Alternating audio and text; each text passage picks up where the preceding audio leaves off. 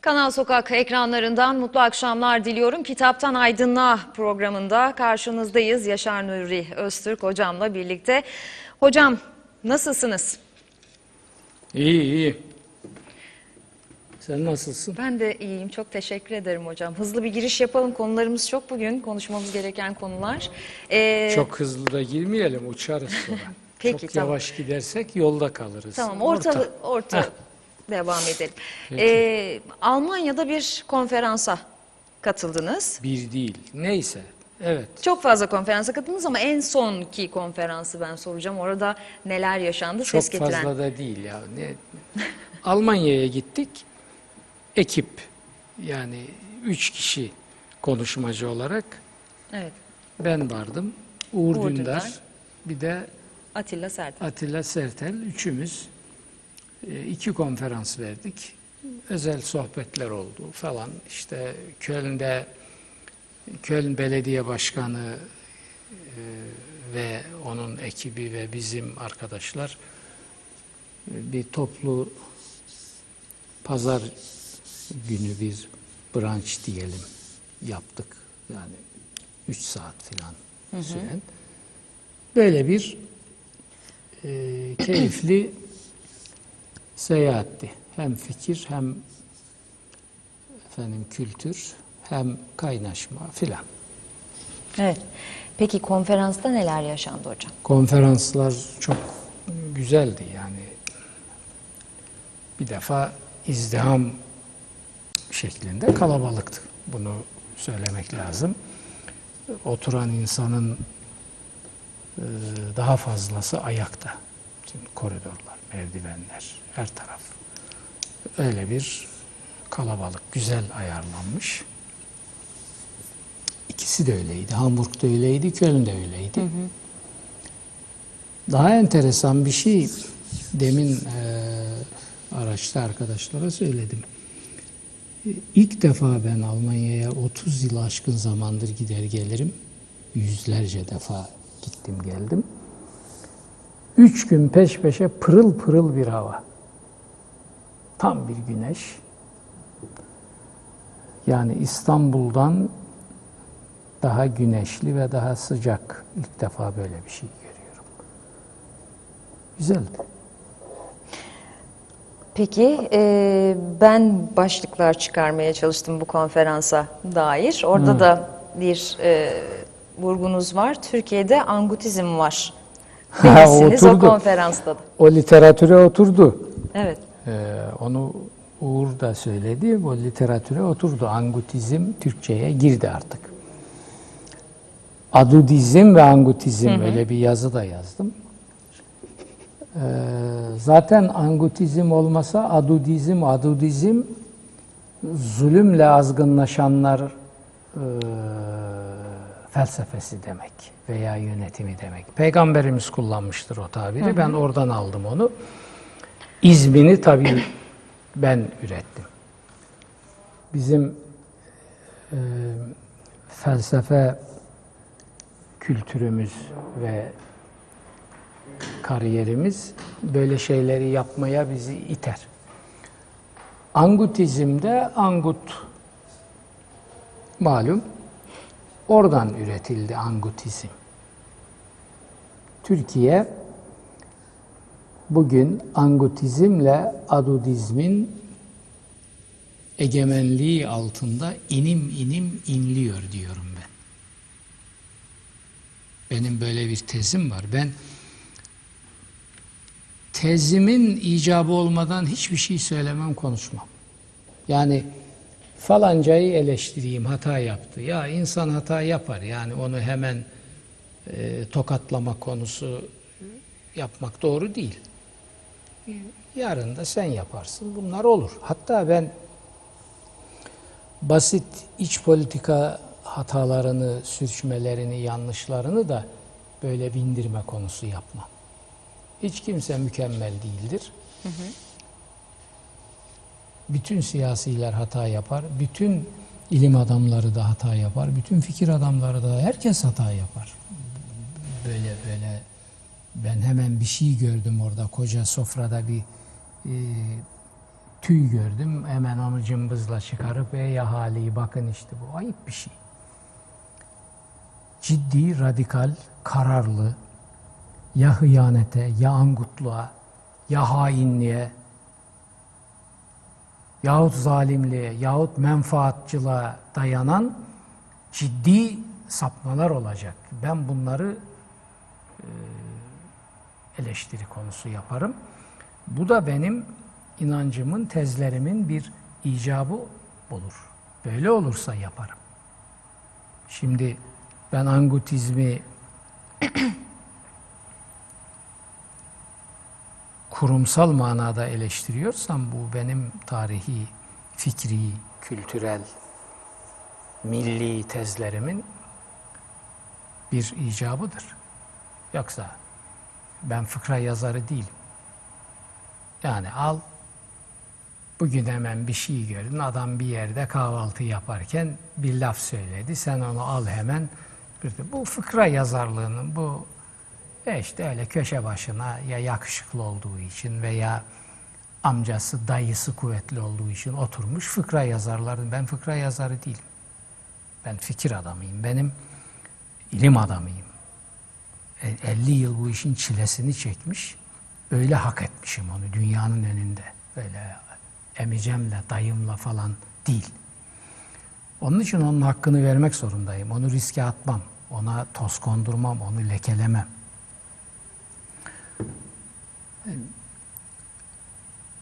Angutizmle Adudizmin hegemonyası altında Türkiye inliyor diyorsam işte bu bu manalarda vardığım sonuçların söylettiği bir şeydir. Yoksa başbakan beni uçağına almadı, şöyle iki şaplak iki yazı yazayım köşeciğimde onun aleyhine. Ben bunlara tenezzül edecek, buralara düşecek adamlardan değilim.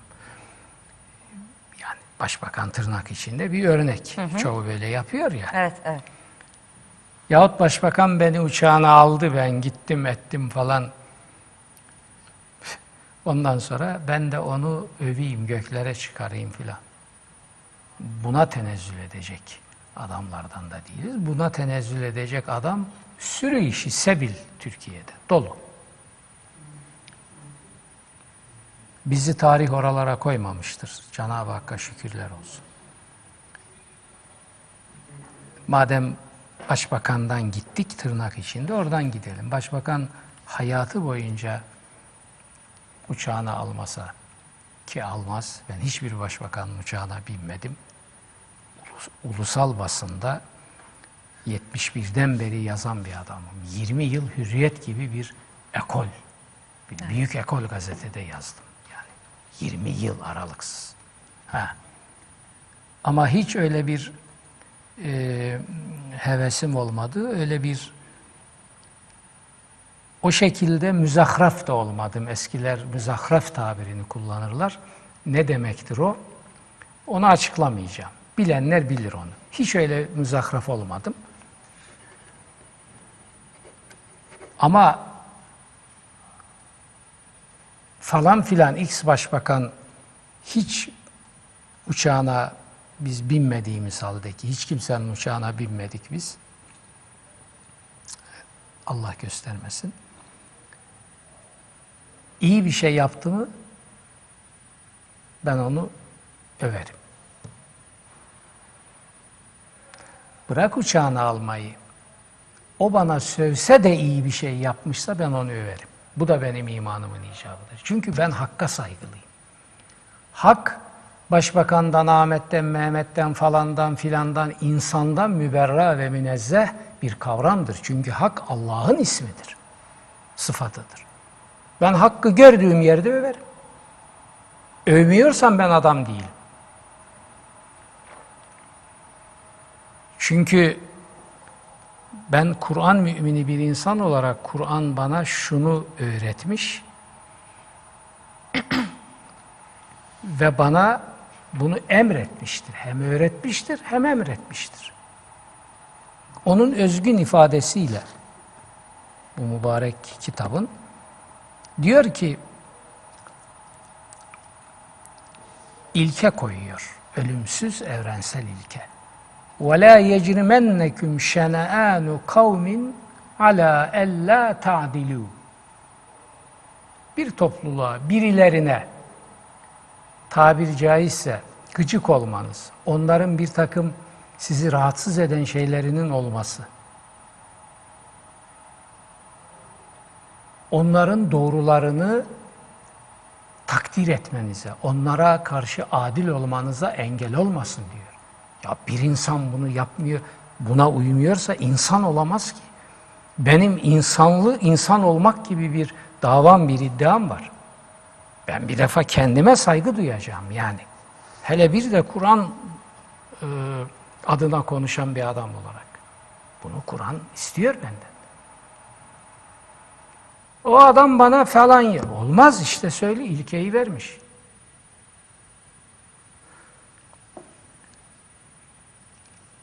E bu her alanda böyle böyle olacaktır. Siyasette de böyle olacaktır. Fikirde de böyle olacaktır. Genel bakışlarda da böyle olacaktır. Küresel meselelerde de böyle, hepsinde. E ben o konferanslarım diyoruz, konuşmalarım, bu konferans olur, panel olur, e, açık oturum olur falan. Orada da öyle. Ben e, bu tezlerime, bu ana tezlerime, benim tarihle ilgili tezim var, milliyetçilikle ilgili tezim var, cumhuriyetle ilgili tezlerim var, Atatürk'le müdafaa hukukla ilgili tezlerim var. Ben bunların yıllarca çilesini çekip tetkiklerini yaparak belirlemişim bunları. Ezberletilmemiş. Ben düdük değilim. Da biri bana üflemiş, ben de o oradan süfle etmiş, ben de buradan sesini çıkarır. Yok öyle bir şey. Hiç kimse bana bir şey üfleyemez. Bunların çilesini çekmişim ben. Tetkik etmişim. Tarihin ve Tanrı'nın önünde ha benim insan olarak savunmam gereken budur kanaatine varmış. Böyle ezbere falan biri dedi diye veya beni seven adamlar dedi diye, bizimkiler dedi diye. Bizi benim bizimkilerim yok. Benim bizim benim bizimkilerim yok. Hiç benim bizimkilerim olmadı ve olmayacaktır. Eğer illa bizimkiler arıyorsan söyledim işte. Hak kavramı, akılcılık, bilim, illa da bir metafizik meslette arıyorsan Kur'an-ı Kerim. Başka bizimkiler falan yok benim. Ben. Babam bile benim bizimkilerim değildir. Onu da eleştirir. Öyle demiyorum. Ya babalarınız, dedeleriniz hakikati bulmamışsa niye onların dediklerini düdük gibi tekrar ediyorsunuz diyor bunu. Onlarca ayette bunu veriyor bize. Atalarınız dedi diye bir şeylerin takipçisi olmayın, onlara uymayın diyen ayetlerin sayısı Kur'an'da 101'dir. Direkt. Dolaylı söyleyenler de var. 101 tane ayet Net bir şekilde. net bir şekilde atalar tabirine de yer vererek onlar dedi diye ezberleri tekrarlayıp durmayın diyor. Tabire bakın. Ya atalarınız, dedeleriniz akledememişse, doğruyu bulamamışsa, ilimle tespit edememiş. Evvela kâne abâhum la ya'kilûn, la ya'lemûn, la yehtedûn. Tabirlere bak. Şimdi bizimle konuşmak zor, tabii zor. Ezbercilerin bizimle konuşması da zordur, barışması da zordur. Adam düdük. İçi boş, üflüyorlar. Dırırt bırırt ses çıkarıyor. Ben dırırt bırırt ses çıkarmam. Ben düşünürüm, konuşurum, yazarım. Dırıt bırıt o fıkra yazarların işidir. Oraya emicesi getirmiş, oturtmuş oraya veya yağcılığı yüzünden orada vır vır eder işte alıyor. O gün bir şey olmuş orada yem. Ne, nedir bunlar? Şimdi Anadolu'da bunların durumunu ifade eden bir tabir var da ağır olur diye kullanmıyorum ben onu. Yani köy yolunda, tarla yolunda bir şey güneş kurutur, sonra rüzgar gelir, vurur, yok eder gider. Biz o makuleden adam değiliz. Beni rüzgar müzgar yok edemez. Hani söylüyorum, çok söyledim, yine söyleyeceğim. Ölümsüz çünkü. Selçuklu Sultanı Hazreti Mevlana ile zor bin bela bir randevu alıyor ondan. Konuşuyorlar.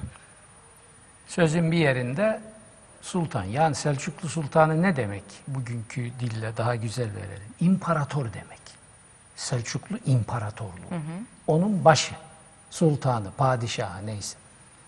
Sultan tabiri kullanılıyor. İmparator. İslam dünyasının imparatoru, dünyanın en büyük imparatorluğunun başı. Mevlana'ya diyor ki, Mevlana'nın bir lakabı da hünkârdır biliyorsun. O sultanlara da hünkâr denir. Bizim farkımız ne diyor yani sana da hünkâr diyorlar filan.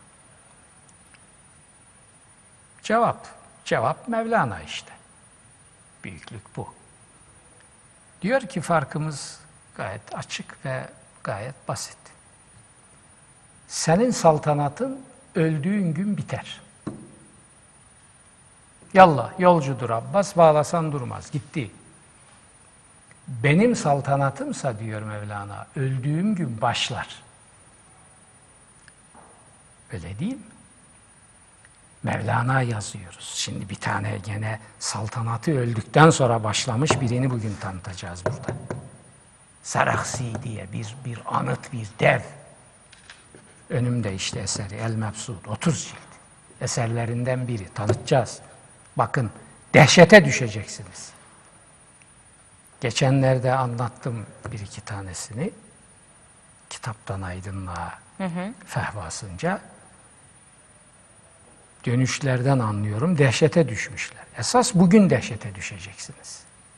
Bakın bu gök, gök kubbenin altında neler yaşamış, kimler yaşamış. Büyüklük kolay değil.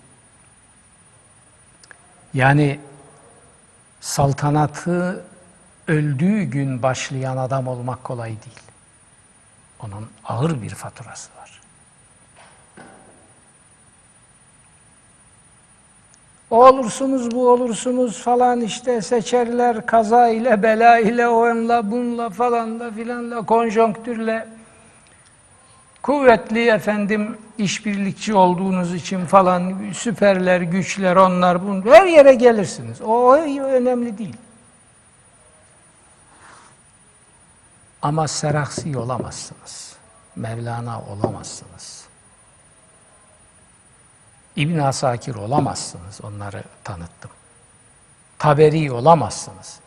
Saltanatı öldüğü gün başlayan adam olamazsınız. Mevlana diyor ki ben o sultanlardan değilim ki tabuta konulduğumda saltanatım bitsin. Hayır. Benim saltanatım tabuta konulduğum gün başlayacak diyor. Ha? Ben de bunu söyleyecek adamlardan biriyim. Tarih ve Tanrı bana bu hakkı vermiş şükür.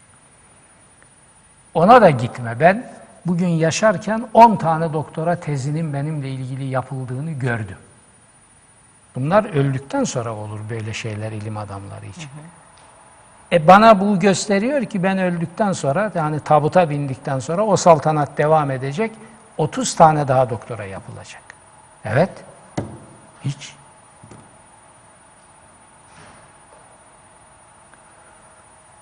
Şimdi bazıları bunları dinleyince diyor ki ya amma da kasıldı. Ulan ne kasılması ya? Bu fenomen ya. Bunun kasılmakla falan bir ilgisi yok. işte kibir falan. Ne kibiri lan? Kibir olmayan büyüklük vehmine duçar olan adama kibirli denir. Gerçeği itiraf etmek niye kibir olsun? Ya bunları ne diyeyim ben şimdi?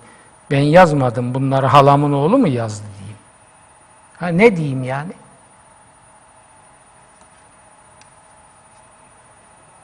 Veya şurada aktardığım bilgiler benim bilgilerim değil. Karnımda benim bir e, şey var, çip var. Buradan basıyorum düğmeye, o onları söyle mi diyeyim? Yapma ya. Ne kibiri ya? Kibir. Benim kibire ihtiyacım yok ki. Kibire ihtiyacı olan kibirli olur. Benim kibire ihtiyacım yok ki. Yok. Benim büyüklük vehmine ihtiyacım yok. O o vehme ihtiyacı olanlar içindir. Mevlana'nın işte o örneğimiz oydu. Büyüklük vehmine ihtiyacı var mı? Tokatlar gibi imparatora diyor ki başka bir şey söylüyor o sohbette. Aylarca uğraşmış bir bir randevu almış. Düşün koca imparator. Pazar yerinde kavun karpuz satan adamlar Mevlana ile istedikleri gün gider görüşürler. İmparator görüşemiyor. E büyüklük iyi bitti işte daha. Başka bir şeye gerek yok. Ha bakın şimdi o sultan isterse Mevlana'yı gönderir ki asker kollarına kelepçeyi takar bugünden konuşalım Silivri'ye tıkar. Tıkar ama o işi çözmez. Mevlana daha büyür. Öbürü de daha küçülür. Onu yapmıyor sultan aptal değil tabi. Bütün bütün sultanlar aptal olmaz, ahmak olmaz. O akıllı. Onu yapmıyor. Randevu alıyor ondan. O da ona üç ay sonra Yamin'e bir randevu vermiş, gitmiş konuşuyorlar. Bir söylediği bu. Bir tane daha var, daha feci. Sultan diyor, Allah seni bu halkın başına onları koruyasın, sakınasın diye çoban olarak gönderdi. Sen onlara kurtluk yapıyorsun diyor. Ya bir falakaya yatırmadığı kaldı. Bir imparatora, bir sultana bu söylenir mi? Mevlana söyler. Ama sultanı da takdir ile ben anıyorum şimdi burada. Bak ona da Allah rahmet eylesin. Bunları tahammülle dinlemiş. Onu zindana, Silivri'ye bilmem nere göndermemiş. Dinlemiş. Ve sonra da kalkmış, hürmetlerini arz ederek de huzurundan ayrılmış. Ha çok memnun olduğu söylenemez. Bunu biliyoruz. Ama bu tahammülü göstermiş.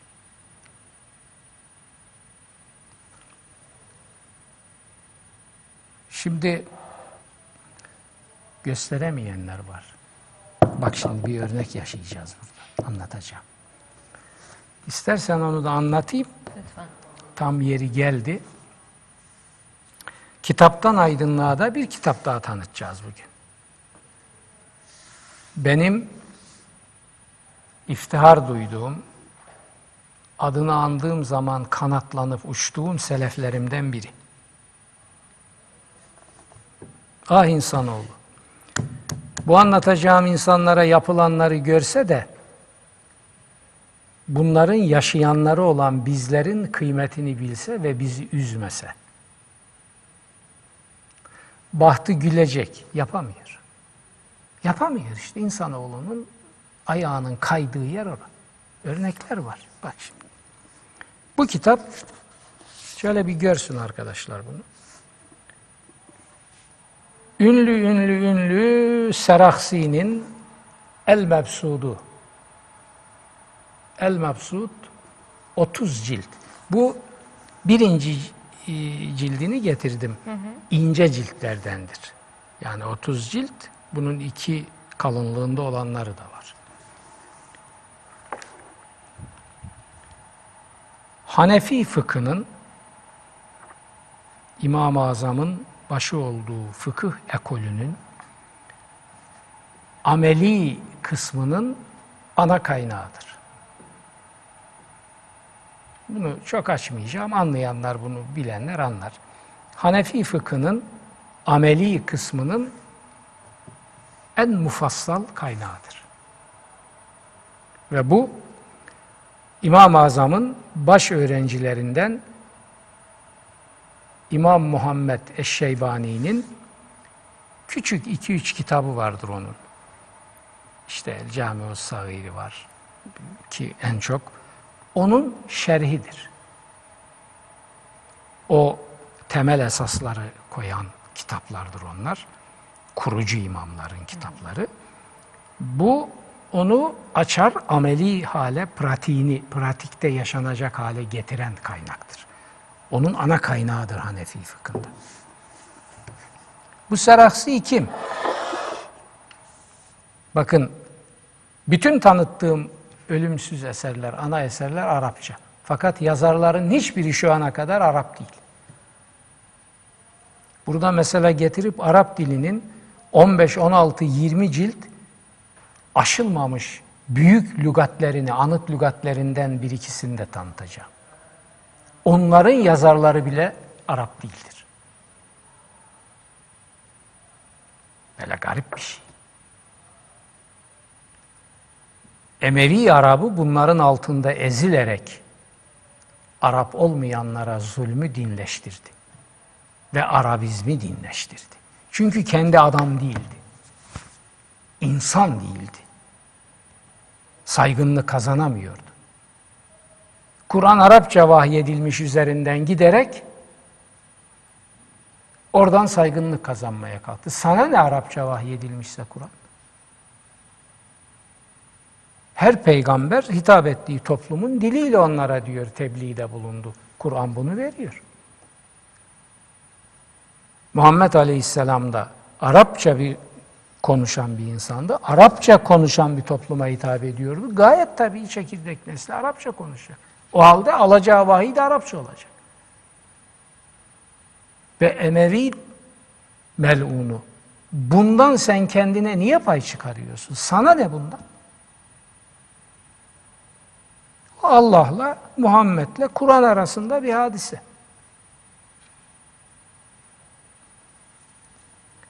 Çünkü kendi ürettiği bir şey yok. Şimdi bu Mebsut, El Mebsut, bu 30 ciltlik şaheser.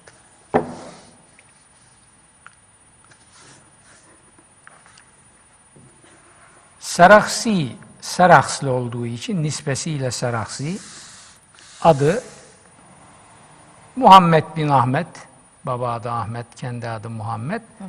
Bir de lakabı var, Şemsül Eyyimme. Fıkıh önderlerinin güneşi. Tarih böyle garip bir diyalektik taşıyor. Bir yandan neler çektirmiş ona göreceğiz biraz sonra. Akıl almaz. Öbür yandan da Şemsül Eyyimme fıkıh önderlerinin güneşi, ilim adamlarının güneşi unvanını vermiş. İmam-ı Azam'a da yaşarken Deccal dediler. Melun dediler, müşrik dediler, Yahudi dönmesi dediler. Bak bak bak. Altını çizerek söylüyorum bunlar, ithamlar. Dini yıkmak için gelmiş bir adam dediler namazsız, niyazsız bir din kurmaya çalışan adam dediler. Sonuçta imansız öldü dediler. Sonra ne oldu? İmam-ı Azam. En büyük önder. Şimdi biz ne buluyoruz? Avuçlarımızın içinde İmam-ı Azam. Hey yavrum hey. O İmam-ı Azam o yaşarken neler çekti biliyor musunuz? 25 yıl zindanlarda, kırbaçlar altında. İmam-ı Azam ayrıca anlatacağım burada. İmam-ı Azam benim ihtisas alanım. Ben iki eser yazdım İmam-ı Azam'la ilgili. Biri Arapçılığa karşı akılcılığın öncüsü İmam-ı Azam 600 sayfalarda. Burada yok şu anda. Öbürü de İmam-ı Azam savunması 300 küsur sayfa. O da ayrı bir şey. Ayrı e, beklentilere cevap getiriyorlar. 15 yılımı verdim İmam-ı Azam'a ben. Özel onu araştırmaya, onu tetkike. Helal hoş olsun. Şeref duyuyorum. Şimdi bu Şemsüleyme Muhammed bin Ahmet Es-Seraksi bir Türk. Bu Türk. Kültür dili Arapça. Geçen anlattıklarım hepsi İranlıydı. Onlar da Arapça yazmışlar. Bu da Arapça yazmış. Seraksi nere? Oraya nispet, nispet ediliyor. Türkistan-İran sınırındaki Özkent veya Özcent eski telaffuzuyla kentinde doğmuş bir Türk.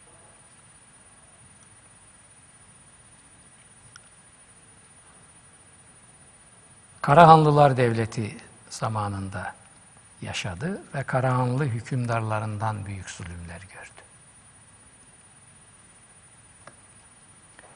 Şimdi ölüm tarihi 483 yani 1090. Miladi 1090. 11. yüzyıl. 10. yüzyıl, 11. yüzyıl. Ölüm tarihi itibariyle 11. yüzyıl.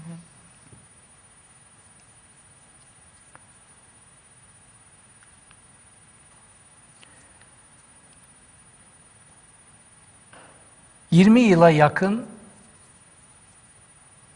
zindan hayatı var, hapishane hayatı.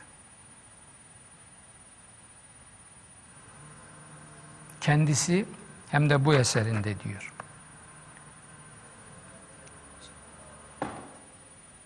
Sultana, yöneticilere yaptığım bir nasihat yüzünden hayatımın şu kadar kısmı zindanlarda geçti diyor. Bir nasihatte bulunmuş.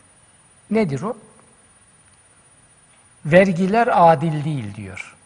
Zulüm mertebesinde adaletsiz. Yapma. Ve bu insan bir hukuk dahisi. Hanefi fıkhının diyoruz ya muamelat kısmının işte şaheserini yazmış adam. Yani bir hukukçu. E bu söylemeyecek de kim söyleyecek bunu? Şimdi ben şu yaptığınız Kur'an'a aykırı hem din iman diyorsunuz, hem namaz niyaz diyorsunuz, hem Kur'an'a tosluyor yaptığınız. Yapmayın diyorum. O yüzden karşıdır. Onun için söylüyor. Ya ben sana karşıysam birilerine de Doğruyu göster. ya, yakın olacağım değil mi? Sana karşıysam biri, kime ben karşı? Benim karşı olmadığım bir adam yok ki. Benim dost olmadığım bir adam da yok. Ben doğruyu gördüğüm yere anında dost olurum. Yanlışı gördüğüm yere de anında karşı olurum. Düşman olmam. Ben kimseye düşmanlık yapmam. O ayrı bir kavram. Ha sen şunu mu demek istiyorsun? Sen benim hesabıma göre konuşmazsan ben seni düşman ilan ederim. Bana karşı ilan ederim. Kur'an da desen, Allah da desen vızıltı benim için. Ben seni böyle ilan ederim. Neşem bilir kardeş. Neşem bilir. Sen de senin yedi sülalende bana vız gelir tırıs gider.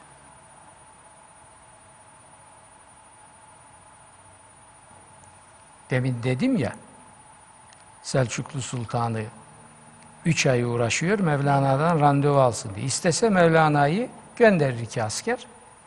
Kollarını da bağlatarak, isterse ayağına zincir de vurdurarak huzuruna getirebilir? Getirir. Getirir. Getirseydi keşke. Her gün böyledir. Her zaman bunu yaparsın. Ama o Mevlana'dır. Tarih onu Mevlana olarak kaydeder. Seni de onu yaparsan melun olarak kaydeder. Yapmadığın için bak ben de diyorum ki gene de saygıdeğer insanmış. Selçuklu Sultanı diyorum. Melun ben de burada diyebilirdim. Yapmamış. Ona ona fırsat vermemiş. Akıllı adam. Şimdikilerde o akıl da yok. Yok. Göz dönmüş. Fırlatmış, tırlatmış oldu mu adam, imparator bilmem ne olursa olsun bitti. Evet, Seraksi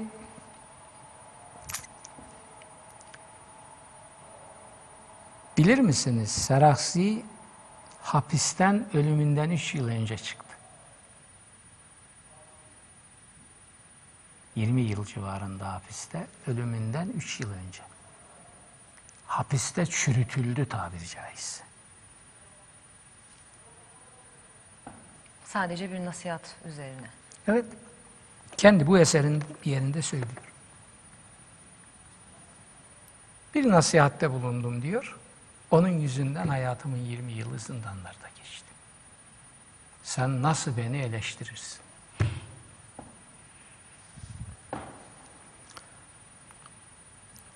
Ey kurban olduğum Allah! Allah'ın en büyük rahmet tecellisi cehennemdir. Cennet iyi insanların gideceği yer. O da bir rahmet tecellisi tamam da esas rahmet tecellisi cehennemdir. Çünkü şu yani şu Seraksiye şunu yapan adamın cezasını cehennemden başka bir yer veremiyor. O veriyor onu. O zaman o Allah'ın rahmetinin mahsa, serapa tecellisidir. İyi ki cehennem var. Yoksa ne yapardık biz? Çıldırır insan.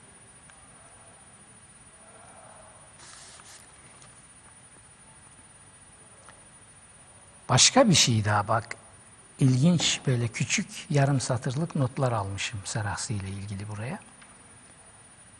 Üç hükümdar değişti, Seraksi hapiste.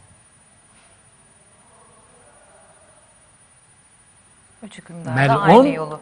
mel'un mendeburların, firavunların üçü birbirinden beter. Birinin yaptığını öbürü de yıkmıyor. Üç hükümdar değişiyor, Saraksi hapiste. Geri gidelim. Saraksi'nin önderi olan İmam-ı Azam'a gidelim. İmam-ı Azam 150, 767'de öldü. Yani Saraksi'den 3 300 yıl, 300 küsür yıl geriye gidelim. İki imparatorluk değişiyor, İmam-ı Azam hapiste. 25 yıl. Eserlerini hapiste oluşturan, fikri hayatını orada oluşturan büyüklerdendir. Ben onu yazdığım eserde Campanella ile Batı'da Campanella ile Güneş sitesinin ünlü yazarı filozof Campanella, Campanella da 28 yıl hapiste kaldı ve ana eserlerini hatta bütün eserlerini orada yazdı. Saraksi de öyledir.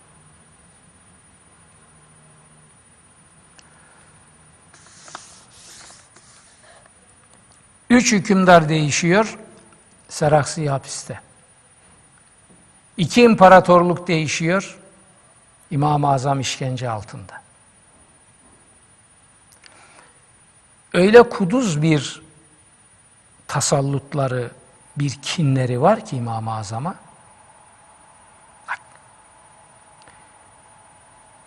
Kırbaç mahkumu olarak hapiste tutulan adamların kırbaç cezalarını işte her gün veya iki günde bir ne takdir edilmişse hapishanede yapıyorlar. Orada avlusunda, koğuşunda falan bahçesinde neyse. İmam-ı Azam'ı kırbaçlayarakları zaman ne yapıyorlar biliyor musunuz? Meydan yerine çıkarıyor, ilan ediyorlar, halk gelsin seyretsin diye. İmam-ı Azam Efendimiz Hazretleri Öyle mi? İmam-ı Azam Hazret mi? Beyefendi, Allah'ın cezası herif.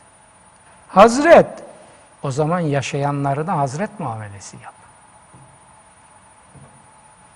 İmam-ı Azamların bedenleri gidiyor, ruhları geliyor tekrar. Cenab-ı Hak kubbenin altını boş bırakmıyor ki. İmam-ı Azamsız zaman olur mu? Seraksisiz zaman olur mu? İbn Asakir'siz zaman olur mu? O gün İbn Asakir, bugün Halil İnalcık söylemiştim. İbn Asakir'e verdikleri ünvan Üstadül Müverrihin, Şeyhül Müverrihin ünvanı bugün Halil İnalcı'ya veriliyor. Bizim iftihar vesilemiz. Allah ömrünü uzun etsin 90'lı yaşlarında. Mesela İmam-ı Azam Efendiniz, Efendiniz mi? Hazret mi İmam? O zaman yaşayanların, İmam-ı Azam'ın bedeni gitti. O Hazret ruhuyla geliyor. Kaç defa geldi? Sen her gelişinde aynı şeyi yapıyorsun bana. Sonra da Hazret, İmam-ı Azam Efendimiz.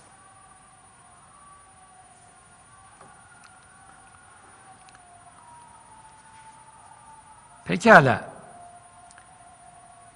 Vergiler çok adaletsiz, zulüm mertebesine vardı diyor Saraksi. Yani biraz ucu kaçar filan değil, zulüm mertebe. Bunu düzeltin. Ya sen nasıl böyle dersin? Hadi bakalım. Daha ibret verici bir şey var. Bu da hep hep bu Firavun saltanatlarının taktiğidir. Hele dincilerini. Ne yapıyorlar biliyor musun? Seraksi vergilerin adil olmadığını eleştirdi diye hapse attık onu demiyor. Der mi? Aptal mı? Aptal mı öyle bir şey der mi? Sünni akideye aykırı fetvalar verdi diyor. Sünni akide dediğinin dedik başta değil mi? Hanefi fıkhının hem de ameli kısmının aşılmamış ana kaynağını yazan adam. Hanefi fıkı dendi mi Saraksi akla geliyor. İmam-ı Azam ameli cepheden de Saraksi. Böyle dedi. Sünni akideye aykırı işler yaptı. Gördün mü? Şaşacak bir şey yok. Bu zihniyetin başbuğu olan Muaviye, Hazreti Ali'yi itham ederken propagandistlerine şu talimatı vermişti. Ali'nin namaz kılmadığını propaganda edeceksiniz. Ey dünya, ey tarih, ey ahali, ey camileri dolduranlar, dinleyin bunları. Hele siz, Ali'nin namaz kılmadığını propaganda edeceksiniz diyor. Ve böyle propaganda edilmiştir. Ali. İslam'ın muazzez peygamberinin ey Ali sen konuşan Kur'ansın dediği tek Ali'ye söylemiştir bu sözü. O Ali için kim diyor bunu? Ebu Süfyan'ın oğlu ciğerler yiyen, Müslüman ciğeri yiyen karı dedikleri Hind'in çocuğu Muaviye. Bugün bu zihniyeti yürüten saltanat dincilerinin önderi de peygamberi de bu Muaviye'dir. Onların peygamberi Muhammed değil. Peygamberi Muhammed olan adam yapmaz o işleri. Peygamberi Muaviye olanlar yapar onu. Adama diyorsun ki ya kardeşim maun ihlali yapıyorsun. Maun hırsızlığı yapıyorsun. Kamu hakkı çalma, çırpma, çaldırma, çırptırma. Yoksa bu Maun suresi seni dinsiz, imansız, melun ilan ediyor. Namazlarında da lanet vesilesi sayıyor. O sure ortada. Yapma. Diyor ki, bak şimdi bunu buna savunmaya bak. Adam çalma diyor, o diyor ki yani sizin parti bir zamanlar ezanı Türkçe okutmuştu. Allah Allah. Kel alaka. Adama diyorum ki yediğin haram. Adam diyor ki ben yemeğe otururken besmele çektim. Sen besmeleden rahatsız mı oluyorsun? Söylenenin karşılığı Namussuza yok bakar yani. mısın? Ben yediğin haram diyorum yapma. O diyor ki ben başlarken besmele çektim. Şimdi millete neyi öğretmişler? Sen yemeğe oturdu mu bir adam, onun besmele çekip çekmediğine bakacaksın. Halbuki Kur'an bize diyor ki, besmele çektiğine bakmayacaksın. Namaz kıldığına da bakmayacaksın. Yediğinin onun alın terinin ürünü olup olmadığına, helal olup olmadığına bakacaksın. Kur'an böyle diyor. Din adına egemenlik kurmuş birileri de böyle diyor. Halk kimin dediğini yapıyor, Kur'an'ın dediğini yapmıyor. Belasını da buluyor işte. Allah'ın haşa haşa farz-ı muhal. Hiçbir işi olmasa bunu yapan bir halkın belasını verir. Veriyor. Türkiye'nin dünya istatistiklerinde, dünya değerlendirme raporlarında her gün nerelere düştüğünü takip ediyoruz. Bakın. En son en son bir tanesi Freedom House. Dünya ülkelerinde basın özgürlüğünü değerlendirmeye alan Evet. bir numaralı kuruluş. Değil mi? Dünya ya kimsenin emicesinin dayısının oğlu falan değil. Türkiye'yi son birkaç yıldır basın özgürlüğü kısmen olan ülkeler Arasındaydı. arasında idi. Şimdi söyle. basın, özgürlüğü, olmayan olmayan ülke. ülkeler arasında. Ulan tepinme. Ulan buna ne diyeceksin? İşte bu. Tepinme. Ama bunun sonucunda da basından e, gazeteciler çıksın ve özgür olduklarını söylesin gibi de bir açıklama da gelmiş oldu. Onu da Ha, ekleyelim. yediler onu şimdi. Düdükler çıkıp söyleyecekler, üfleyecekler, çıkın söyleyin. Yerler mi onu? Freedom House aptal mı? Ha. Evet, İmam-ı Azam Efendimiz Seraksi Hazretleri, öyle mi? Ulema efendilerimiz öyle dedi de sen sakalın bıyığın yok. Lan ulemaya saygın var mı senin gerçekten? Lan gerçekten var mı saygın? Var. Lan senin o saygı duyduğun ulemanın fosili kalmış mezarı var. Ruhu gitmiş Allah'a.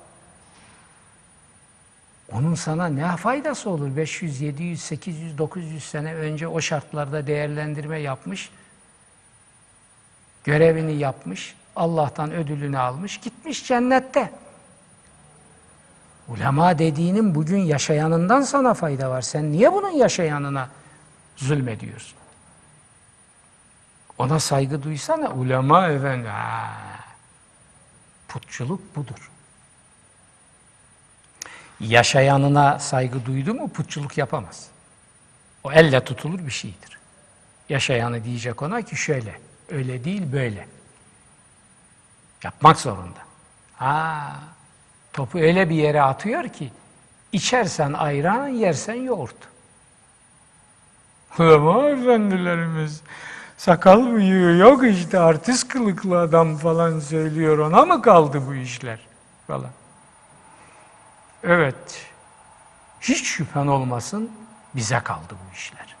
Gayet tabii. O ulema efendilerimiz dediklerin bu işi bize devrettiler. Tapusuyla senediyle bize devrettiler. Ve bizden vicdan taahhüdü aldılar. Yapmazsanız davacı oluruz. İlminizin hakkını verin. Evet bize devrettiler. Ulan ne zannediyor? Tabii bize devretti. Bize kaldı. Onlara mı? Evet bize kaldı. Bize kaldı hayvan. Bize kaldı. Sana mı kalacaktı? Senin bunlardan haberin var mı? Sen bunların adını bilir misin? Okuyabilir misin adını? Tabii bize kaldı. Sen benim veya benim meslektaşımın kimse benim gibi kaç tanesine aynı zulmü yapıyorlar. Sen sakal, sen kıl ne lan takmışsın kıla? Kıl merakın varsa onu da bir şekilde tatmin edersin. Onun da bir çaresi vardır. Ama sen benim yüzümün kılına, lan sana ne? Sen niye kıla tapıyorsun? Sen fetişist misin lan? Muhammedi vicdanı olan bir adam fetişist olur mu?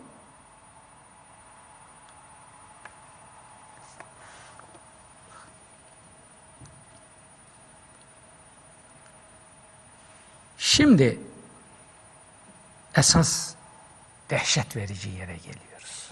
Dedik ki hapishanelerde işte eserlerini orada yazdı, şöyle çekti, şu yüzden girdi, şöyle itham edildi. Dinle, dinle, dinle ey ahali dinle. Bu El Mebsut 30 ciltlik bu şaheser.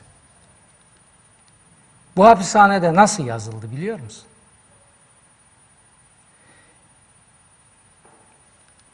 Kalenin hapishanesine koydular Seraksi'yi.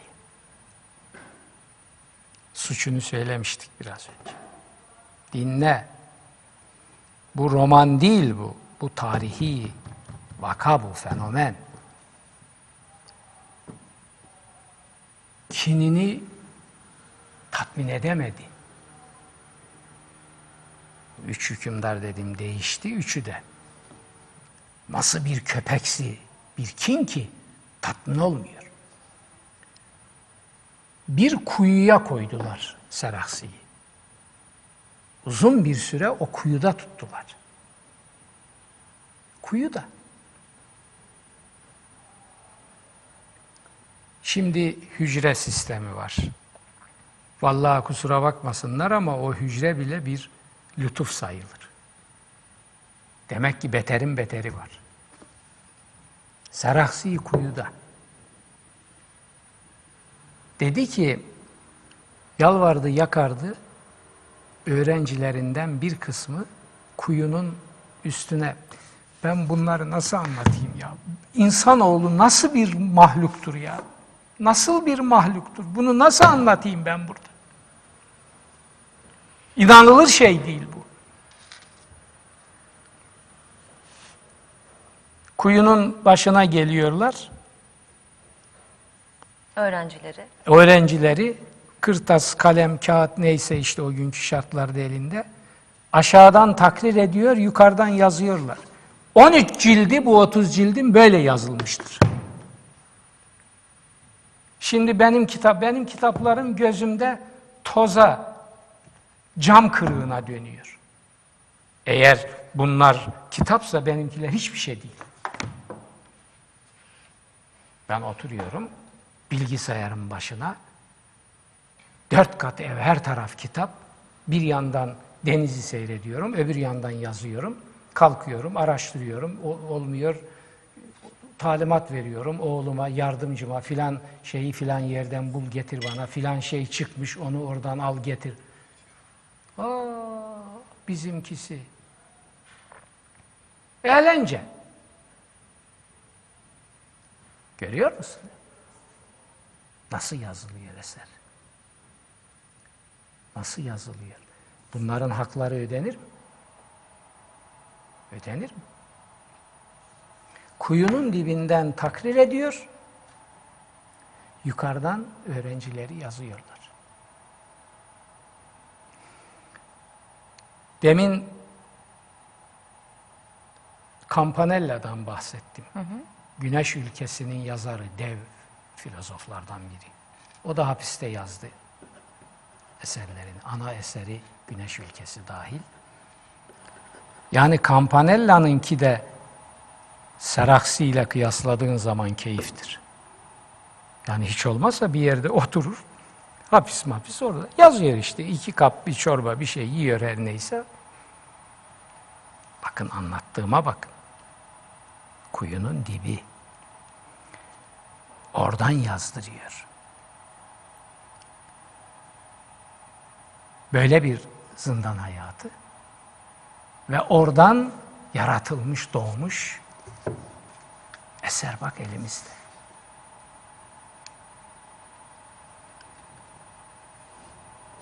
Şimdi biz bugün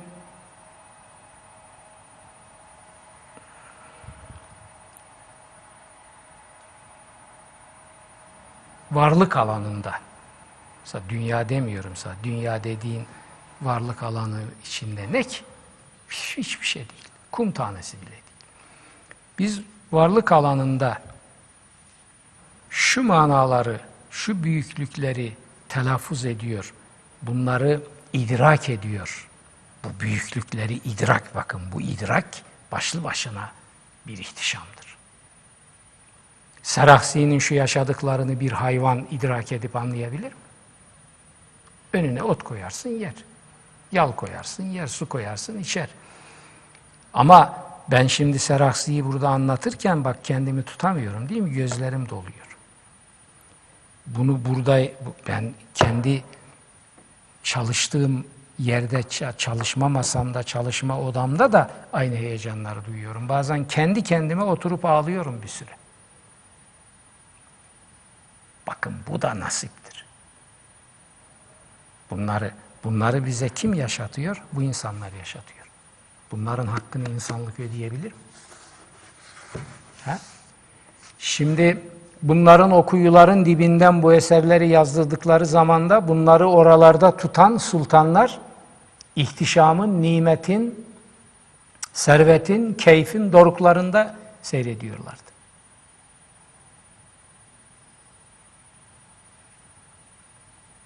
Şimdi benim o tespitime gelelim. Zannediyor ki millet ben bunları fevri böyle Karadenizli bıçkın adam öfkelendi mi sallıyor, kızıyor. Vay, yok öyle bir şey ya. Yok öyle bir şey. Yok öyle bir şey. Her sözün 20 defa altını çizip düşünerek söylüyorum. Öfke mefke falan. Yok öyle bir şey. Ne diyorum? Filanca geberdi diyorum. Seraksi öldü değil mi? Seraksi öldüyse onu o kuyunun dibine tıkanlar ölmüş olamaz. Onlar ancak geberirler. Ölüm hem Seraksi için hem de onu o kuyunun dibine sokanlar için geçerli olur mu? Ölmek muazzez bir kavramdır. Hayatın bir gerçeğidir. Bir istasyon değişimidir. Allah'ın yaratıcının emri mucibince gel dediği zaman gitmenin bir tecellisidir. Ölüm kutsaldır. Güzeldir. Ha sen öbür tarafı berbat etmişsen bana ne o senin sorunun. Ölüm benim için güzeldir, kutsaldır. Benim hiçbir şikayetim olmaz. Hiç. Hatta keyfim olur. Burada bir yığın erazille, süfeha ile uğraşmaktansa giderim orada. Bak bu, bu insanlar orada. Sokrat öyle diyor. Kendisini ölüme mahkum eden şeye, yargıçlara 500 küsür adam. Atina'da. Sizinle burada kalmaktansa beni mahkum edin ölüme gideyim diyor. Filozof arkadaşlarını sayıyor. Şu şu şu şu şu şu şu orada diyor. Onların yanına gitmekten şikayet edecek kadar aptal mıyım ben diyor. Sarakhsi'nin olduğu bir yere gitmekten kimin şikayeti olur? Seraksi'yi o kuyunun dibine sokan sultanların zihniyetinde olanların şikayeti olur. Onların anası ağlayacak orada. Korkuları şikayetim ol- olan. Benim şikayetim olmaz. Ben orada orada keyfin doruğuna çıkarım.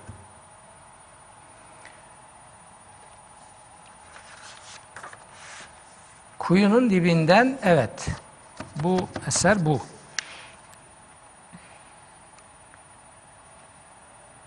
Bu 30 ciltlik eserin 13 cildi orada yazıldı. Kuyuda yazıldı.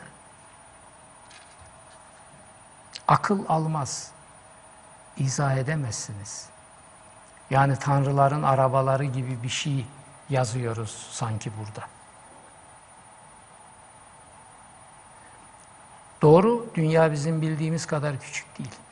Bana bir Sırrı Ayvazoğlu diye bir ehli Kur'an dünyada öyle derdim ona. Senin ağzın kadar Allah'ın Kur'an için yarattığı başka ağız görmedim ben. Öyle bir Kur'an-ı Kerim okurdu. O işin ehli piriydi. Allah mekanını cennet etsin. Amin. O enteresan bir, bir insandı. Derdi ki bana, bak derdi Yaşarcığım, bana hiç itiraz etme. Sen bunu bilirsin bilmezsin. Senin bu yaptığın işler bir başına bu senin cinlerden hadimin var derdi. İyi cinlerden hadimin var. Sana yardım ediyorlar. Hizmetçi demek. O meşhur tanrıların arabaları Mısır'daki piramitleri uzaydan gelenler yaptı etti. Bö- Böyle bir konsept vardır eskiden beri. Şimdi ben onu bu Seraksileri falan okurken yani onlara hak veresim geliyor. Bizimkinin izahı var. Demin dedim sana bilgisayarın başında otur o keyifle. Hemen şeye bas çay gelsin, şeye bas yemek gelsin. İşte öğleye ne var? Şu şu şu şu. Ya onu değil ben bunu yiyeceğim. Aa! Seraksiye bak, Seraksiye. Bazen utanıyorum. Biz de ilim adamı mıyız diye. Utanıyorum. Tarihten utanıyorum.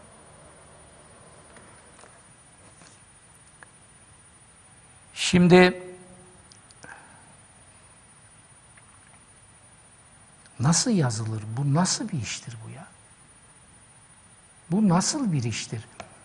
Yani bunu bunu yapma dirayetini, bunu yapma vüsatını, bunu yapma ruhunu, hadi bilgisi var tamam.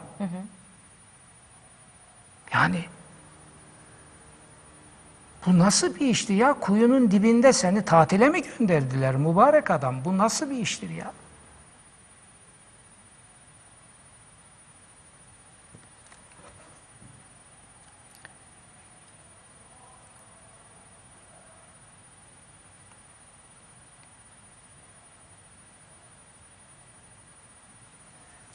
Bu tanıttığım yani bu altı eserinden biridir. Bu altı eserinin tamamına yakınını hapiste yazmıştır. Yani tamamı bir defa hapiste başlamıştır. Bazılarını hapisten çıktıktan sonra ikmal etti. Zaten hapisten çıktıktan sonra da Üç 3 yıl ömrü var. Hatıraları önünde tazimle, şükranla eğiliyorum. Mekanları cennet olsun demeyi edepsizlik sayarım. Benim haddime mi düşmüş? Zaten mekanları cennettir. Allah onların duaları bizim üstümüzden himmetleri eksik olmasın. Ve ben böyle seleflerin iman ve eylem torunları olduğum için de büyük bahtiyarlık duyuyorum. Evet. 20 yıl boyunca bir e, zulüm görmek ama çok büyük bir emekle de bir güçle kuvvetle de bugünlere kadar e, gelmesi. Hocam ben size bir şey daha soracağım şimdi. E, zulümden bahsettik. Aslında şu çağda da çok kötü olaylardan bahsedebiliyoruz maalesef. Gündeme gelen bir konu. Ee, çocuk cinayetleriyle ilgili ben size bir soru sormak isteyeceğim. Yeniden gündeme gelen bir konu var ki o da idam tekrar e, idam cezası geri gelsin gibi sizin de bununla ilgili bir e, söyleşinizi buldum. Ancak siz de mecliste bunu yıllar öncesinde dile getirmiştiniz değil mi? Şimdi idam cezası kaldırıldı. Evet. Kaldırıldığı günden beri ben Türkiye'nin yanlış yaptığını söyledim. Bir defa hukukçu bir insan olarak, avukatlıktan gelme bir insan olarak bu benim tabii ki dikkatimi çekmiştir. Üzerinde düşünmem normaldir. Bunu mesela Kur'an'daki İslam kitabım ki 92'de yayınlanmıştır. Onun Aman. onun baskılarında vardır. İdam cezasının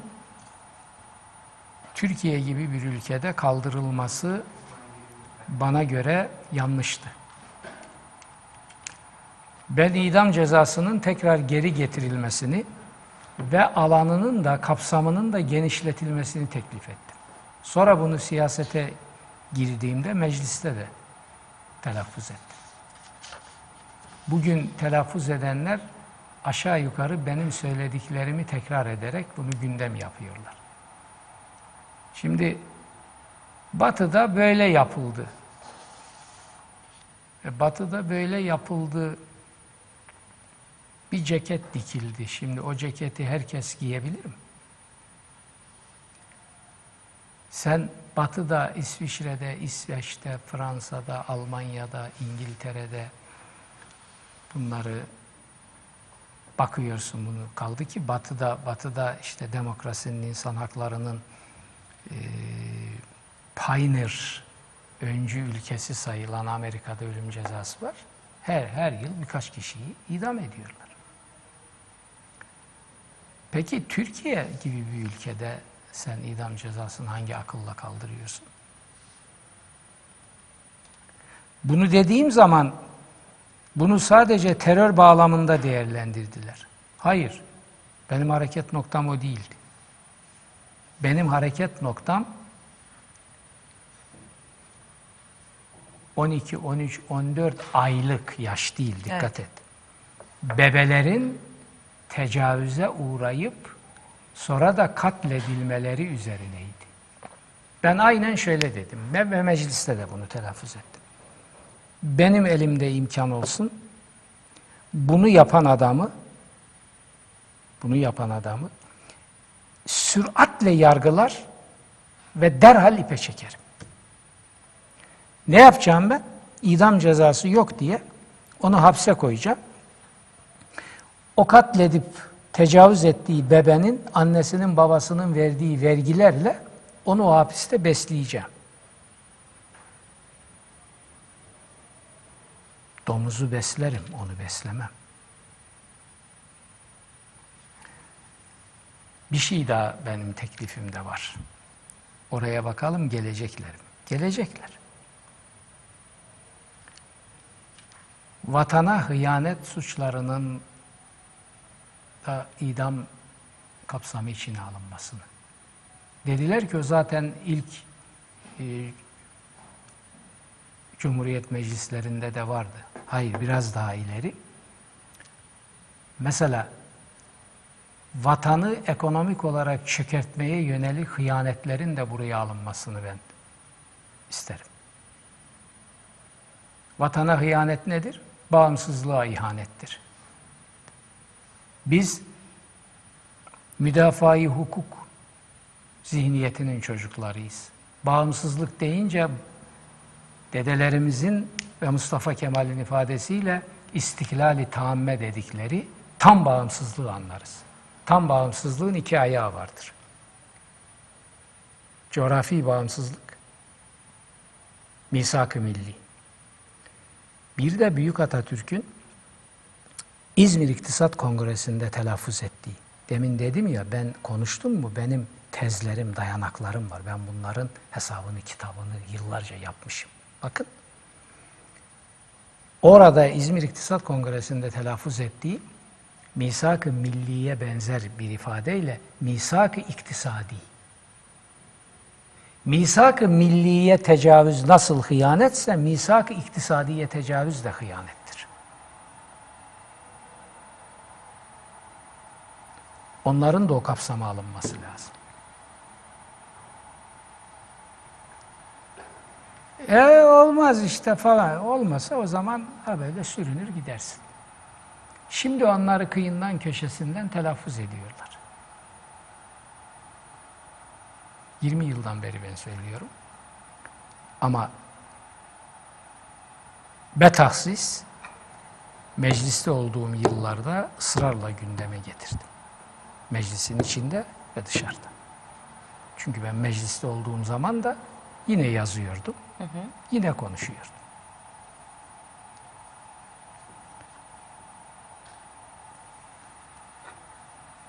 Bu olmadı ve şimdi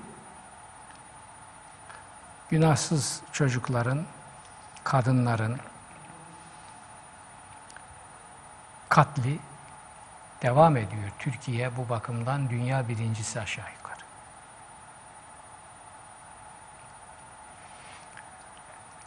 Evet. gerçekten bu olaylar bahsettiğiniz yani e, çocuk cinayetleri olsun hakikaten kanımızı donduran olaylar ama e, kadın cinayetleri de keza öyle her gün artık duyar hale geldik. Hatta şöyle bir örnek verebilirim. Geçen gün bir gazetede okudum başlık aynen şöyle eşini öldüren e, katil kocanın söylediği bir şey.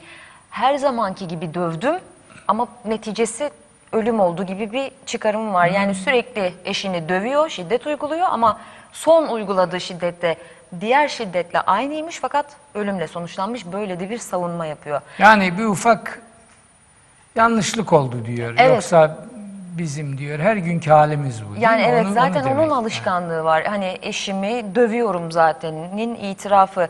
Şimdi e, idam dedik cezalar işte şu mu medyaya çok mu yansıyor e, kaçırılan çocuklar ya da kadın cinayetleri yoksa gitgide bir artış mı gözleniyor bu konuda? Canım, Cezalar art- belki artış- caydırıcı olmadığı Artış için. olmasa e, medyaya nereden yansıyacak? Medya e, bunları uyduracak hali yok. Hatta bence medyaya yansımayanları da vardır. Medyaya çok yansımaz. Azı yansır. Ha medyaya yansımayan neler var? Medya medyaya yansımayan çok şey var Türkiye'de. Ama fazla yansıyan bir şey olabilir mi ya? Bu eşyanın tabiatına aykırı. Hırsızlıklar medyaya tam yansıyor. Yolsuzluklar yansıyor.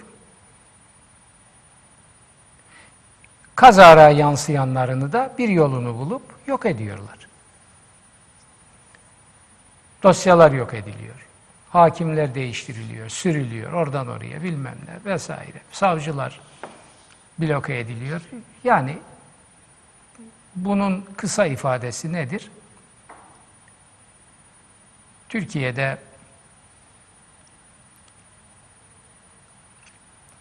hukuk yoktur.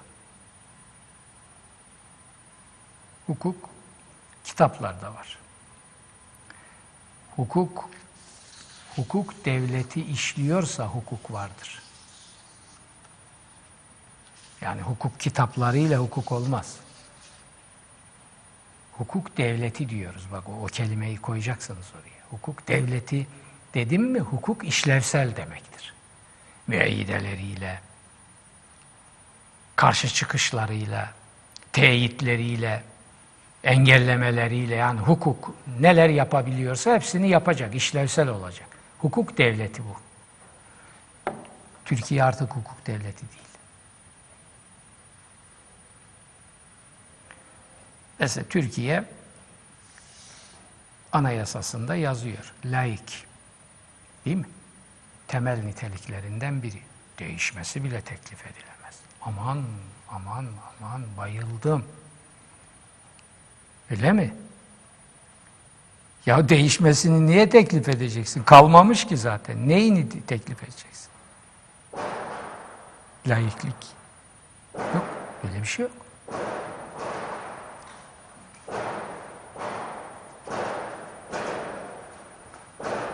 Böyle bir şey yok. E, demokratik o da var. Onun da değişmesi teklif edilemez. Nerede demokratik? Yüzde on seçim barajı olan bir ülkede demokrasi olur. Şimdi bir de o yetmiyor. Dar e, bölge sistemi getirecekler. Yani sen X bölgesinde yüzde şu kadarla fazla oy aldın mı Cumhurlop hepsini sen alıp götüreceksin. Tamam? Bunun sonucu ne olacak? Bir kitle ya isyan edip iç harbe gidecek. Çünkü bu hukuk falan demokrasi böyle bir şey değil. Bu, bu despotizmin en melun şeklidir. Yahut da tamam ben köleyim bundan sonra köle olarak yaşayacağım deyip teslim olacak. Üçüncü ihtimal yok. Üçüncü ihtimal böyle bir kanunu çıkarmayacaksın. Çıkarırsan öbür iki ihtimalden biri. Efendim, laik, zaten laiklik yoksa demokrasi olamaz.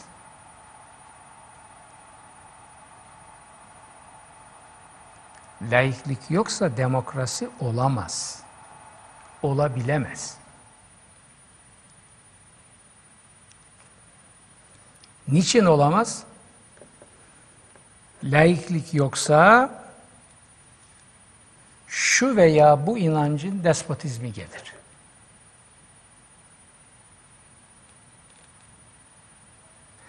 Efendim, laiklikte ısrarlı olmayan demokrasi. Kim yutturdu bunu? Zulüm imparatorluğunun firavunları. Şeyle başladı bu. Kimdi o firavun, Irak'ı işgal eden firavun? Bush.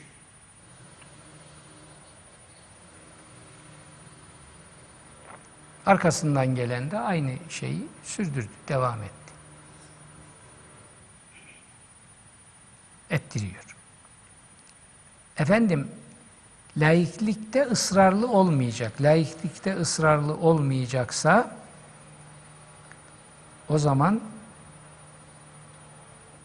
Afganlaşmaya hazır olacak. Türkiye gibi bir coğrafyada laikliği deldiniz mi Afganistan'a dönersiniz. Hatta o, öyle o kadar da şansınız olmaz, daha kötü olur. Şimdi oraya doğru Türkiye sürükleniyor. Ben Veil Vadisi'ne sürülüyor Türkiye dedim. Bilmem kaç hafta önce yazdığım yazıda Veil Vadisi cehennemin en ağır azaplarının icra edildiği vadiye geleneksel kitaplarda verilen addır. Veil tabiri Kur'an'da var, lanet demek. Türkiye Veil Vadisi'ne sürülüyor.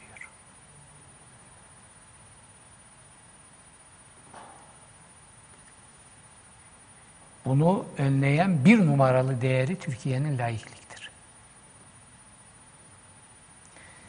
Kur'an'dan konuşuyorsak, Kur'an dininin, Kur'an dininin, Kur'an'ın istediği dinin hayata girmesinin güvencesi, garantisi de laikliktir. Adına laiklik demişsin dememişsin. Batı'da laiklik yazıyor mu anayasalarda? Orada gelenek onu halletmiş. Bizde Cumhuriyeti kuranlar Türkiye'nin şartlarının buna müsait olmadığını gör, bunu yazalım da dediler buraya. Ama bakın hiçbir işe yaramıyor. Hiçbir işe yaramıyor. Çünkü laikliği yok etmek isteyenlerden üç tane, beş tane oy alsın diye gerdanını kıra kıra birileri onların önünde prende attılar. Hatta yamuldular, damuldular. Bu hale geldi. O gitti. Laiklik gitti mi bakın ne. Tevhidi tedrisat gitti. Milli eğitim gitti. Yok böyle bir şey Türkiye'de artık. Böyle bir şey yok.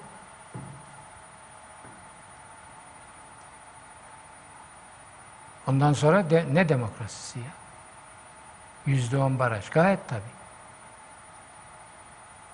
Amerika'nın bizim çocuklar dediği adamlar geldi apoletleriyle rap rap aldıkları talimat istikametinde çöktüler Türkiye'nin başına.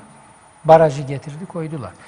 Şimdi vicdanlı, insaflı, şahsiyetli insan olun bugünküler. Eğer biz böyleyiz iddialarınız varsa o zaman o 12 Eylül'ün getirdiği bu pisliği temizleyin. O %10 barajını kaldırın.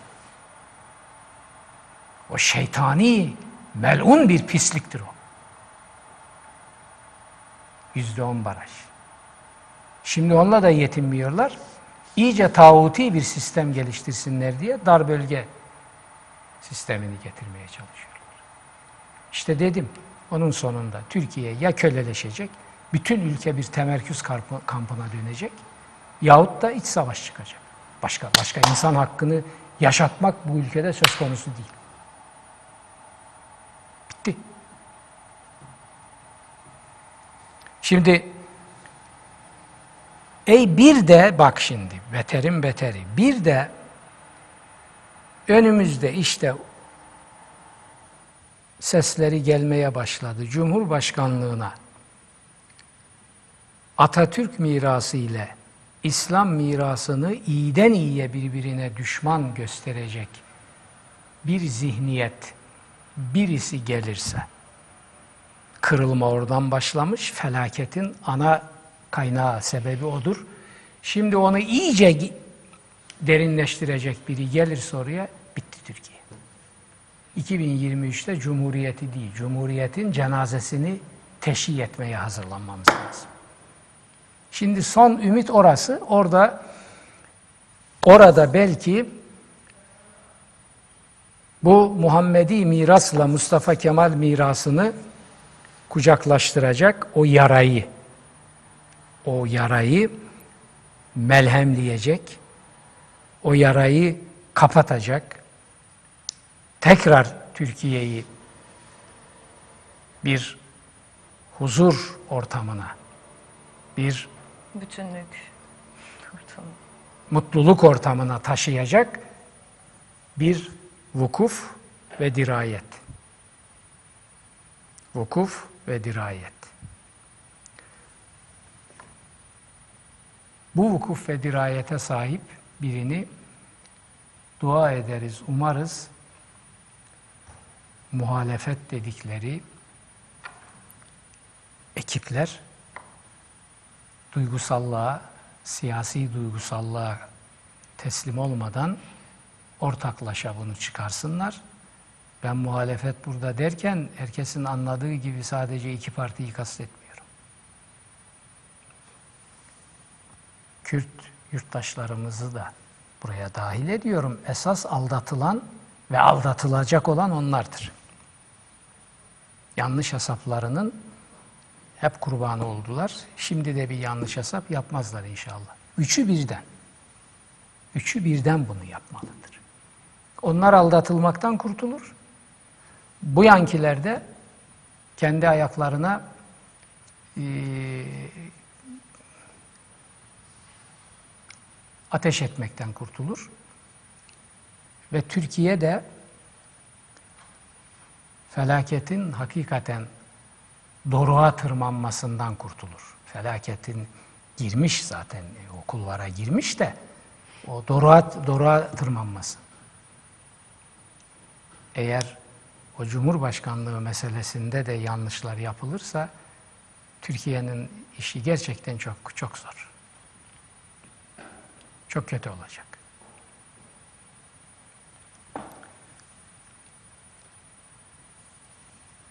Evet. Evet, süreci göreceğiz. Hocam şimdi e, az bir vaktimiz kaldı bildiğim kadarıyla da. E, dünkü yazınız Yurt Gazetesi'ndeki 6 Mayıs 2014 tarihli yazınıza biraz bakalım. E, şuradan başlayayım dilerseniz. İslam dünyasında genel bir kitapsızlık var. Aa, yazının başlığı şeydi değil mi? Kitapsızlık türleri üstüne, evet. Kitap büyük harfli orada. Kur'an kastediyorum. Çünkü İslam literatüründe mutlak manada kullanıldı mı kitap Kur'an'ı ifade eder. Zaten Kur'an'ın adlarının en önde geleni de kitaptır. Evet. İslam dünyasında genel bir kitapsızlık var. Evet. Çünkü Kur'an'ın getirdiği din, Kur'an'ın dışına çekilerek bir takım siyasal hesaplara göre yapılandırılmış. Tabi. İslam dünyasında yaşanan din bu kitabın dini değil. Asla ve kata. Asla ve kata. Bu kitabın dininden de orada bir şeyler var. Gayet tabii o kadar olacak. Yani en azından mezarlıklarda okunuyor Kur'an. Ramazan'da mukabeleler filan okunuyor ya. O kadarcık en azından var. Başka bir şey yok ama.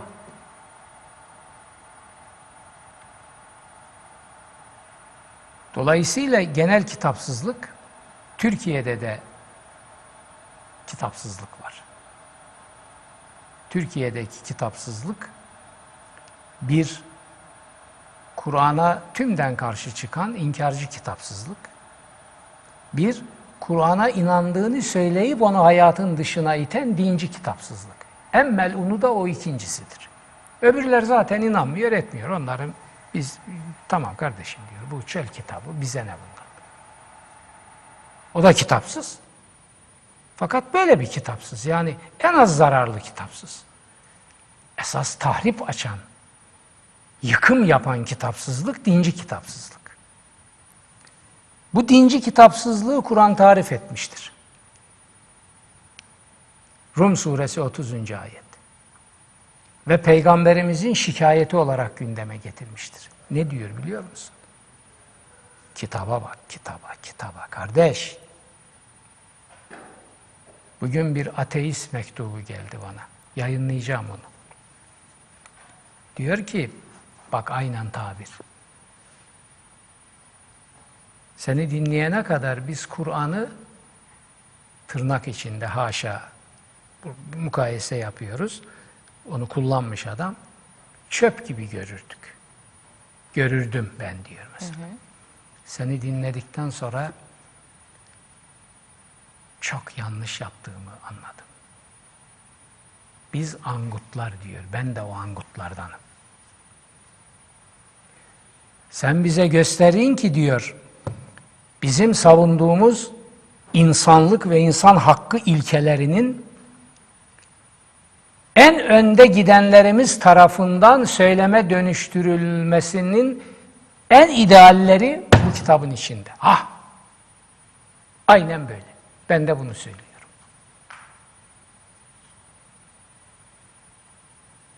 Adam girmiş 29 yaşında. Ben bir ateistim diyor. Size gelen ateist mektuplarından birini de ben yazıyorum diyor. Şöyle şöyle şöyle şöyle şöyle şöyle şöyle şöyle onu büyük ihtimalle bir ateistin mektubu diye vereceğim. İbret ve dehşet verici bir mektuptur.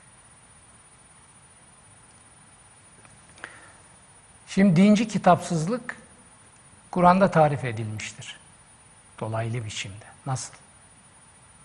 Diyor ki her peygamber kendi ümmetinden şikayetlerini gündeme getirecektir. Hazreti Muhammed'in, bizim peygamberimizin, biz Müslüman ümmetten şikayeti nedir biliyor musun? Okuyayım şimdi ayeti size. Bakın kelime kelime. Ve kâler rasûlü Ya Rabbi inne kavmi ittehazû hâzel Kur'âne mehcûra. Resul diyecektir ki Rabbim benim toplumum, kavmim, bir peygamberin kavmi onun ümmetidir. Bu Kur'an'ı ittehazu, ittihaz maddi manada tutmak, almak. Tuttular bu Kur'an'ı. Aldılar. Nasıl ama? Mehcuren. Hayatın dışına itmek şartıyla tuttu aldılar. Ben bunu ifade ederken diyorum ki dinci kitapsızlığın ilkesi şudur Kur'an'la ilgili temel ilkesi. Kağıtları baş üstüne, hükümleri ayak altına.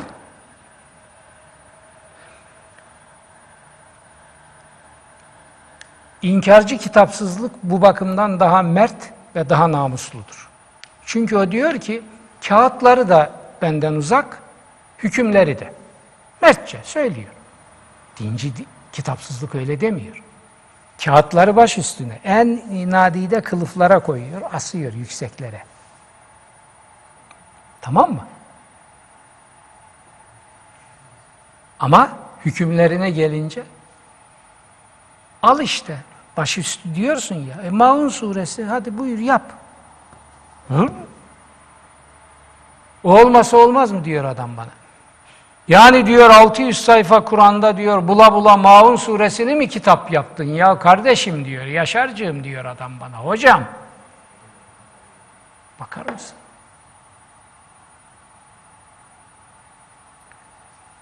Lan git diyorum elimden kaza çıkacak. Git. Beni çıldırtmak mı senin maksadın? Yani ben Kur'an'ı açacağım, bakacağım Kur'an'a. Nereleri bugün birilerinin keyfine uymuyorsa onları yok sayacağım. Uyan kısımlarını söyleyeceğim. Şart mı diyor yani? Üç satırlık diyor. Küçücük Maun suresi 400 sayfa yazıyorsun kardeşim. Başka yer mi yok Kur'an'da diyor. Öbürü Diyanet İşleri Başkanı. Bakar mısın adama? Başında sarık, sarık bembeyaz. Fakat başka hiç beyaz bir şey yok. Diyor ki, kitap adı diyor, Allah ile aldatmak diye kitap adı mı olur diyor. Ama efendim diyor, Kur'an'da varmış o tabir Kur'an'da olunca diyor, niye kullanmasın ki? Vermiş diyor nerelerde olduğunu. Canım şart mı diyor yani o üç tane tabir başka ad mı yok Kur'an'da diyor. Sonu yok ki adam. Adam bunu dışlayacak. Ve bu Diyanet İşleri Başkanı. Bugünkü değil adama yanlış anlaşılmasın. Bugünkü değil derken bunun asla öyle yanlışlar olmaz anlamında demiyorum. Bu sözü söyleyen o. Ya, Diyanet İşleri Başkanı. Sarık kafada mükemmel. Sarık beyaz. Başka beyaz arıyorum yok. Sarık bembeyaz. Öbür taraf. İçeri girdiğim zaman beyaz bir şey göremiyorum. Ya ben ömrünü Kur'an'a vermiş bir adamım. Sen de ilahiyatçısın, ben de ilahiyatçıyım. Ve arkadaşım benim. Hasedinden şey oluyorsun, anlıyorum. Şey ol. Ona da saygı duyuyorum, hadi. Çünkü yok. Yani. İşte o, o oturduğun koltuklardan filan indin mi bitti. Ertesi gün yoksun. Onun için hasedinden şey olursun. Onu, onu anlıyorum. Güzel de ya kendi mesleğine bir saygın yok mu senin ya? Yani sen üç yaşında bu kitabı babasının dizinin dibinde öğrenmiş. Ben ana dilimden önce bu kitabın dilini öğrendim. Alfabesi öyle. Dokuz yaşında bu kitabı ezberlemiş. 12-13 yaşlarında bu kitabın tefsirlerine, yorumlarına giren kitapları okumaya başlamış. Bir adama sen şimdi diyorsun ki, sen Kur'an'dan niye tabir alıp da kitabına at koyuyorsun? Nereden alacaktım pekala? He? Nereden alacaktım? Yani Marx'ın Das Kapital'inden alsam o zaman da diyeceksiniz ki ya Kur'an'la temayüz etmiş bir adam bakar mısın? Gitmiş de Marx'ın kitabından isim almış. O zaman da öyle diyecek. Nereden alacaktık? Öbür taraftan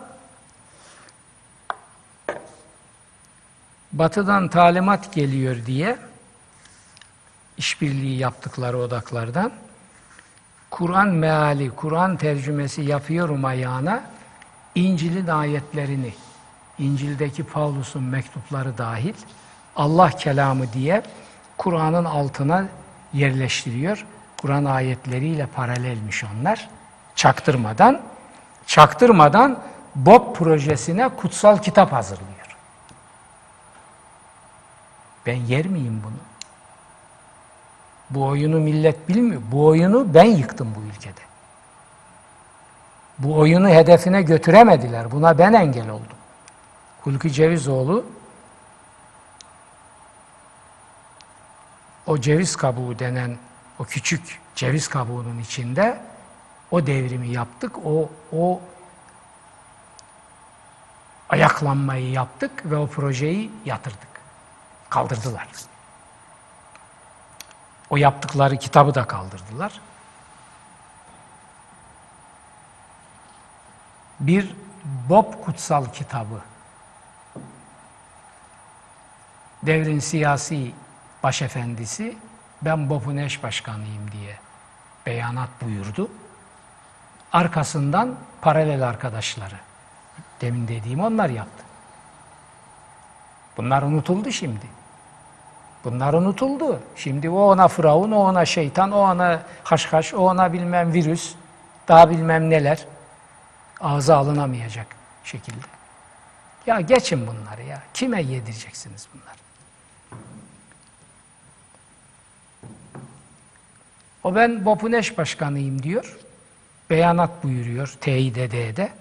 Bizim bir görevimiz var bu coğrafyada diyor. Nedir o görevimiz? Aynen böyle. O görevimiz BOP projesinin eş başkanlığı görevidir. Doğru, Bush o görevi vermiş. Tamam. Sonra da Obama azletti. O onların kendi iç meseleleri. Ben onu bilmem. Bunu o der demez paralel arkadaşları hemen selli kalem ettiler. Bir Kur'an'ı kullanarak bir Bob kutsal kitabı yaratmak. Nasıl olacak bu? İncil'le Kur'an'ı birbirine yedirerek dipnot koyuyorum. Kur'an'la İncil'de paralel ayetler filan. Bugüne kadar neredeydin lan sen? Seni ben tanıyorum. Sen neredeydin bugüne kadar? Sen dünyanın bilmem neresinde dünya dilleriyle dinleriyle ilgili bir toplantıda İslam'ın şu konudaki görüşünü anlatmak üzere giden insanları Hristiyanlarla işbirliği yapıyor diye itham edecek kadar şerefsizleşiyordun. Şimdi Şimdi ne oldu sana da bu, bu kutsal kitap yaratma gayretlerine girdin?